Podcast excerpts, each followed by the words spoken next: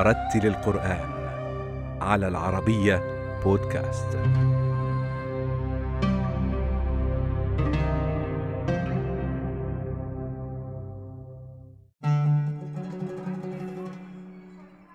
نشأ القارئ يوسف المجبري في مدينة بنغازي الليبية وفيها حفظ القرآن الكريم على يد عدد من كبار قراء ليبيا وحفاظها تنقل بين عدد من المساجد في مدن ليبية عدة إماما وخطيبا وحافظا للقرآن الكريم قبل استقراره بأوروبا إماما في أحد مساجد مدينة لوكسمبورغ حيث تتمركز أعداد نوعية من الجالية المسلمة العاملة في القطاع المصرفي والمالي.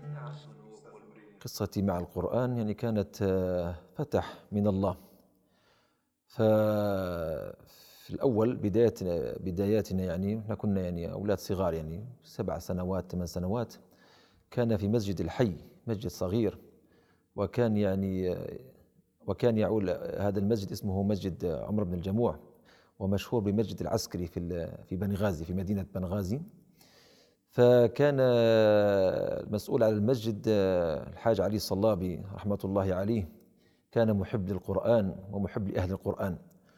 وفي ذاك الوقت يعني ما كانتش ليبيا ما زالت فيها الكتاتيب كثير يعني كانت ما زالت قليلة فيها فقط القراء الكبار الشيخ معتوق والشيخ إبراهيم الترهوني رحمة الله عليه والشيخ بشير الساحلي ولكن كانوا في أماكن بعيدة يعني فنحن كنا صغار صعب أنك توصل لهذه الأماكن. حتى سنة 1992 قرر الحاج علي الصلابي رحمة الله عليه أن يبني كتاب كتاب كبير في المنطقة في مسجد عمر بن الجموح. ونحن في ليبيا نقول كتاب الخلوة. نقول الخلوة فبنى تقريبا في ثمان أشهر هذا الكتاب. كتاب كبير مجهز كان بكل شيء. وفي هذه يعني السنة الدولة دعمت الحفاظ بأن الحافظ في ليبيا يتعين على درجة خريج الجامعة. فبدأنا في الكتاب في سنة 1992 أولاد صغار يعني نذهب يعني ما زلنا نذهب هكذا بالغصب يعني. كان الشيخ عبد الحكيم العرفي هو المحفظ آنذاك. وبدأنا نقرأ كبدايات أولاد صغار يعني نمشي يعني. ونحن يعني أنا من أسرة ليس فيها حافظ القرآن يعني من قبل يعني ولكن من أسرة محافظة أسرة محافظة جدا يعني. فمن ذاك الوقت أصبح الوالد والوالدة الوالد رحمه الله والوالدة دائما يعني لديهم شغف أن الخلوة أو الكتاب يعني شيء إجباري. فبدأنا في الكتاب من ذاك السنة من سنة 1992 حتى يعني تقريبا سنة 1998 انتقلت إلى كتاب آخر إلى كتاب البراء بن مالك. كان فيه الشيخ المربي الفاضل الشيخ منعم ميلاد المقصبي. فكانت هذا الكتاب أشبه بالمنارة. كنا يعني ندرس فيها القرآن واللغة العربية والميراث وفقه المالكي وفي ذاك الوقت يعني كنت أنا أحفظ القرآن ما كملتش. في 1998 وكنت مستخلف للإمام في مسجدي الأول مسجد عمر بن جموح باعتبار أن المنزل يعني بالقرب من المسجد. فكنت أصلي مستخلف وأذهب للكتاب الثاني عند الشيخ منعم. نحفظ يعني والحمد لله وفقنا وربك أكرمنا بالحفظ والإتقان على الشيخ عبد المنعم. جزاه الله خير. في سنة 2000 أتميت حفظ القرآن ودخلنا طبعا في هذه السنة الجامعة. طبعا دخلت الجامعة أنا جامعة قريونس كلية الاقتصاد قسم المحاسبة. وفي سنة 2004 عينت إمام أول لصلاة إمامة الأوقات وصلاة التراويح في مسجد عبيدة بن الحارث. مسجد مشهور مسجد السلاك أو مسجد السني من المشاهد القديمة والعتيقة في وسط البلد في بنغازي مسجد مشهور يعني. فسبحان الله أول شهر كان لي في هذا المسجد ما كنت أنا كنت لا أريد الإمامة حقيقة يعني أما أتميت القرآن والدراسة فكان إصرار يعني من آه، عمي أخو الوالد أني أصبح إمام. فتكلم معي في هذا الموضوع. أنا قلت له يعني الحق يعني أكملت قرآن والحمد لله والإمامة ربطة ومواعيد. وأنا ما زلت يعني آه، دراسة والجامعة. فقال لا لابد الآن ما تضيعش هذا المجهود وهذه المجهود السنين كلها لابد تصبح إمام. ف آه، تعيننا في هذا المسجد وكان مسجد بعيد على البيت بعيد جدا يعني. سبحان الله أول شهر قدمت باستقالتي. فذهبت للهيئة العامة للأوقاف كان الأستاذ صبري. جزاه الله خير. قال لي اصبر اصبر. ما أول شهر ما زال وتو ربي يفتح عليك يعني وأنت طالب في الجامعة فعفاني من صلاة الظهر وقتها. فالحمد لله. فربك يسر في هذا المسجد سبحان الله يعني أصبح بيتي الثاني يعني. أصبح أبقى في هذا المسجد أكثر من بيتي. فصليت فيه التراويح حتى سنة 2008 ثم أصبحت أصلي التراويح في الخارج. صليت في سنة 2009 في بريطانيا في لندن مسجد دار الرعاية الإسلامية وفي 2010 صليت في ويلز. ثم 2011 كانت الحرب ما خرجناش من للصلاة. وفي 2012 كلمني أحد الأخوة آه، كان يصلي معي في في لندن إن في لوكسمبورغ في هذا المسجد اللي أنا فيه الآن يحتاجون إلى قارئ تراويح. فقلت نذهب إن شاء الله.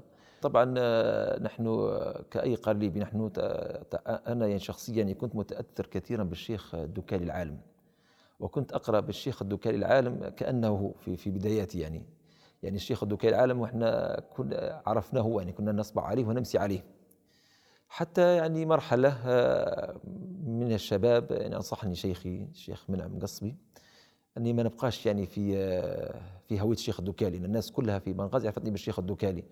فقال لي لابد تستقل بشخصيتك وبقراءتك ولا بد يعني ما تجعل لك آه، قراءة أخرى و تصبح بقراءتك أنت يعني. فسبحان الله أصبحنا يعني نتأثر بأئمة الحرم قليلا هكذا بالشيخ الشريم الشيخ المعيقلي. ولكن تأتينا الحق يعني أكبر ولا الشيخ الدكالي العالم يعني شيخنا طبعا. آه سوف أقرأ آه برواية قالون عن نافع إن شاء الله. أعوذ بالله من الشيطان الرجيم. بسم الله الرحمن الرحيم.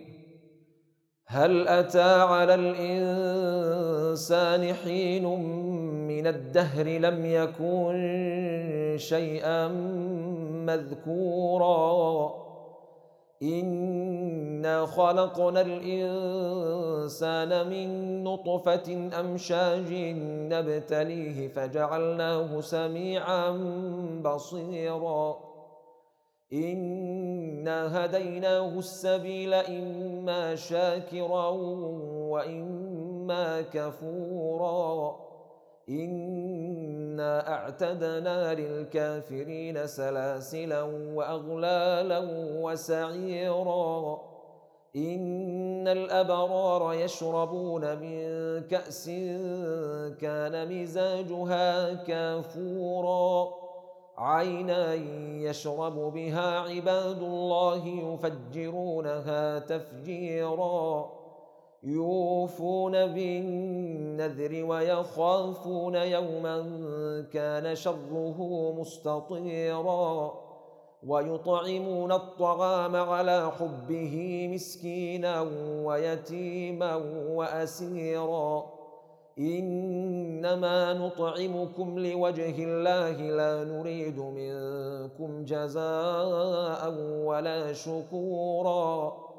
أنا نخاف من ربنا يوما عبوسا قمطريرا فوقاهم الله شر ذلك اليوم ولقاهم نضره وسرورا وجزاهم بما صبروا جنة وحريرا متكئين فيها على الأرائك لا يرون فيها شمسا ولا زمهريرا ودانية عليهم ظلالها وذللت قطوفها تذليلا ويطاف عليهم بآنية من فضة وأكواب كانت قواريرا قوارير من فضة قدروها تقديرا ويسقون فيها كأسا كان مزاجها زنجبيلا. عينا فيها تسمى سلسبيلا. ويطوف عليهم ولدان مخلدون إذا رأيتهم حسبتهم لؤلؤا منثورا. وإذا رأيت ثم رأيت نعيما وملكا كبيرا عاليهم ثياب سندس خضر واستبرق وحلوا أساور من فضة وسقاهم ربهم شرابا طهورا إن هذا كان لكم جزاء وكان سعيكم مشكورا انا نحن نزلنا عليك القران تنزيلا فاصبر لحكم ربك ولا تطع منهم اثما أو كفورا واذكر اسم ربك بكرة وأصيلا ومن الليل فاسجد له وسبحه ليلا طويلا إن هؤلاء يحبون العاجلة ويذرون وراءهم يوما ثقيلا. نحن خلقناهم وشددنا أسرهم وإذا شئنا بدلنا أمثالهم تبديلا. إن هذه تذكرة. فمن شاء اتخذ إلى ربه سبيلا. وما تشاءون الا ان يشاء الله ان الله كان عليما حكيما. يدخل من يشاء في رحمته والظالمين اعد لهم عذابا اليما. صدق الله العظيم.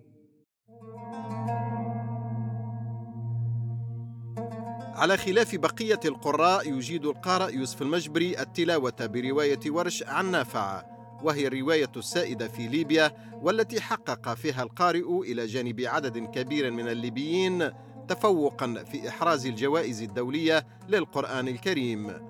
آه، هو حقيقة الامام في أوروبا يواجه تحديات كثيرة. من أول التحديات هي تحدي اللغة. آه، كما تعلم ما أرسلنا من رسول إلا بلسان قومه ليبين لهم. فأكثر التحديات اللي أنا بدأت مواجه فيها صعوبة هي اللغة وخصوصا يعني لوكسمبورغ. متنوعة الجنسيات فيها تقريبا 176 جنسية وفيها تقريبا خمس أو ست لغات آه، في البلد. واللغة المعتمدة واللغة اللي في لوكسمبورغ تقريبا اللغة الفرنسية. وطبعا إحنا في ليبيا ما نعرفوش اللغة الفرنسية نهائي يعني الانجلي يعني قليل يعني. فهذه أكبر شيء واجه الإمام في أوروبا لأنك أنت أنت إمام في أوروبا مش مثل البلد. الإمام في أوروبا شيء آخر يعني هو واعظ ومرشد وخطيب واللي يصلوا معك حتى العرب اللي يصلوا معك غير ناطقين بالعربية يعني أو يفهموا في العربيه قليل أو أبناء البلد أو أبناء الجالية الجيل الثاني يعني خصوصا لوكسمبورغ. لوكسمبورغ فيها مشكل أن أكبر جالية وأكثر جالية مهاجرين مرتين يعني. يعني مهاجرين مثلا مغربي أو تونسي أو ليبي أو مصري من بلده إلى مثلا إيطاليا إسبانيا البرتغال ثم هاجروا إلى لوكسمبورغ. فلوكسمبورغ فيها ثقافات كثيرة. فعلى الإمام في أوروبا آه، أن يراعي هذه الثقافات وهذه المذاهب وهذه الجنسيات. يعني نحن في المسجد ممكن تلقى عندك تقريبا 20 30 جنسية. كل واحد بفكرها وكل واحد بمذهبه فالإمام يجب أن يكون يعني حذر لين أحيانا وأحيانا يكون يعني صارم. آه، لين لأن تأخذ هذا على مذهبه وهذا على عقله وهذا يعني خشن وهذا لين. فالإمام يواجه هذه المشاكل ومشاكل الترجمة. الإمام لما يصبح ماهوش يعني متقن للغة سبب يعني مشكل بينه هو والمتلقي يعني يأتيك المتلقي اللي ترجم أنت ما تعرفش وش ترجم. هل ترجم صح أو لا؟ فهذه تواجهني أنا شخصيا. يعني أنا الآن آه، ما زلت ضعيف اللغة كثير يعني ضعيف كثير فتواجه هذه المشكلة. فأنا الإمام أول مشكلة تواجهه في أوروبا هي مشكلة اللغة. وهذا الإمام آه، الإمام يعني يصبح يعني حاذق يعني إنه هو يراعي إنه مش في البلد، البلد يفرق تماما على أوروبا، أوروبا فيها أجناس مختلفة وجنسيات مختلفة وأفكار مختلفة يعني. فالإمام يجب أن يراعي الكل.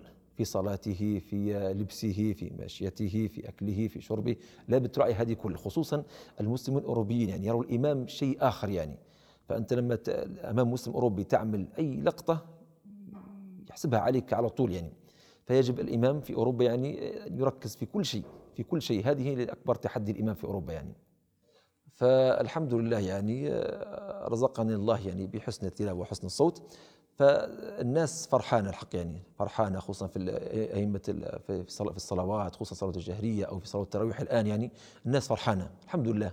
فهذا يعني آه، شوية يغطي على قضية اللغة. والحق يعني حتى الإخوة في في المسجد غاد يعني يعاونوا كثير. يعني أنا شخصيا الإخوة سواء الشباب اللي معانا ودائما دائما في ظهري يعني سواء في الترجمة أو في في يهدوا في الناس والصبر على الإمام. الحمد لله هو قاري متقن هو قاري جيد والناس فرحانة بهذا الشيء.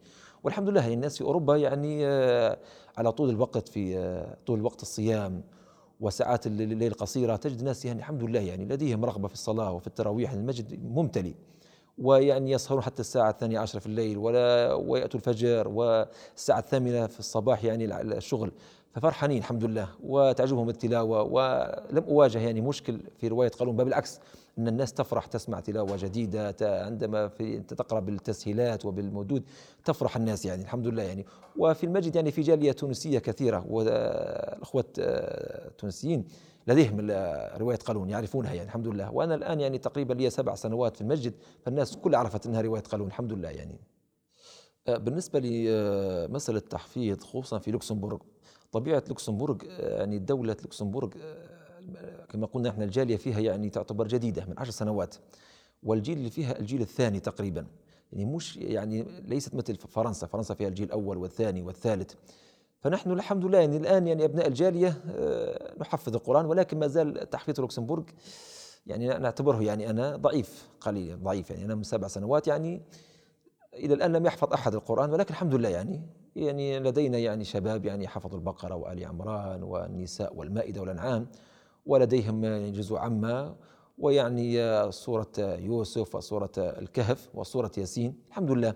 ولكن يعني ما زال الإقبال الأولاد قليل يعني. ليس مثل مثل فرنسا مش الإقبال قليل جدا. ولكن الحمد لله في الخير في البركة يعني. الآباء متحفزين آباء يعني الحمد لله دائما يعني يحثون أبنائهم ودائما في كل يعني الأنشطة يعني تجد الآباء يعني يريدون ولكن الأبناء ما زال قليل في لوكسمبورغ ولكن الحمد لله يعني آه، بادين مشروع الآن تحفيظ الآن حفظنا يعني ربع القرآن الأول بقرة آل عمران آه، النساء والمائدة والانعام والآن إن شاء الله سوف نبدأ بالحفظ الربع الأول إن شاء الله من جزء الربع الأخير من آه، ياسين حتى الناس بإذن الله يعني. آه، طبعا جالية لوكسمبورغ متنوعة أغلب الجالية في لوكسمبورغ هم موظفين، موظفين في الشركات، موظفين في البنوك، موظفين في آه، آه، يعني شركات في في المدارس يعني موظفين يعني ذو شهادات عالية وذو يعني خبرة جيدة يعني ذو مؤهلات يعني. أغلبية سكان لوكسمبورغ لديهم المؤهلات المؤهلات العالية الدراسية يعني. ماستر دكتوراه في المحاسبة دكتوراه في المالية دكتوراه في الاقتصاد. فأغلب الجالية يشتغلون في هذا المجال يعني في مجال البنوك ومجال المصارف ومجال الشركات المالية وشركات المراجعة. لأن لوكسمبورغ أنت تعرف لوكسمبورغ طبيعتها أكثر دولة فيها يعني مصارف وشركات و فيخدموا أغلبية الجالية وأغلبية الشباب يخدموا في هذه في هذه هذا المجال. وأغلبية الجالية في لوكسمبورغ يعني تعتبر من الشباب يعني الحمد لله يعني. أغلبية يعني شباب من فرنسا شباب يشتغلوا في لوكسمبورغ شباب من ألمانيا حكم الحدود وحكم القرب يعني. حتى الجالية اللي يأتوا مثلا من المغرب أو تونس أو الجزائر يأتون أصحاب مؤهلات. أعوذ بالله من الشيطان الرجيم. ألم تر إلى الذي حاج إبراهيم في ربه أن آتاه الله الملك؟ إذ قال إبراهيم ربي الذي يحيي ويميت. قال أنا أحيي وأميت. قال إبراهيم فإن إن الله يأتي بالشمس من المشرق فأت بها من المغرب فبهت الذي كفر والله لا يهدي القوم الظالمين أو كالذي مر على قرية وهي خاوية على عروشها قال قال أنا يحيي هذه الله بعد موتها فأماته الله فأماته الله مئة عام ثم بعثه قال كم لبثت؟ قال لبثت يوما أو بعض يوم قال بل لبثت مئة عام فانظر إلى طعامك وشرابك لم يتسنه. وانظر إلى حمارك ولنجعلك آية للناس. وانظر إلى العظام كيف ننشرها ثم نكسوها لحماً. فلما تبين له قال أعلم أن الله على كل شيء قدير. وإذ قال إبراهيم رب أرني كيف تحيي الموتى؟ قال أولم تؤمن؟ قال بلى ولكن ليطمئن قلبي. قال فخذ أربعة من الطير فصرهن إليك ثم اجعل على كل جبل منهن جزءا ثم ادعهن يأتينك سعيا. واعلم أن الله عزيز حكيم. مثل الذين ينفقون اموالهم في سبيل الله كمثل حبه كمثل حبة أنبتت سبع سنابل في كل سنبلة مئة حبة. والله يضاعف لمن يشاء. والله واسع عليم. الذين ينفقون أموالهم في سبيل الله ثم لا يتبعون ثم لا يتبعون ما أنفقوا منا ولا أذى لهم أجرهم عند ربهم لهم أجرهم عند ربهم ولا خوف عليهم ولا هم يحزنون. صدق الله العظيم.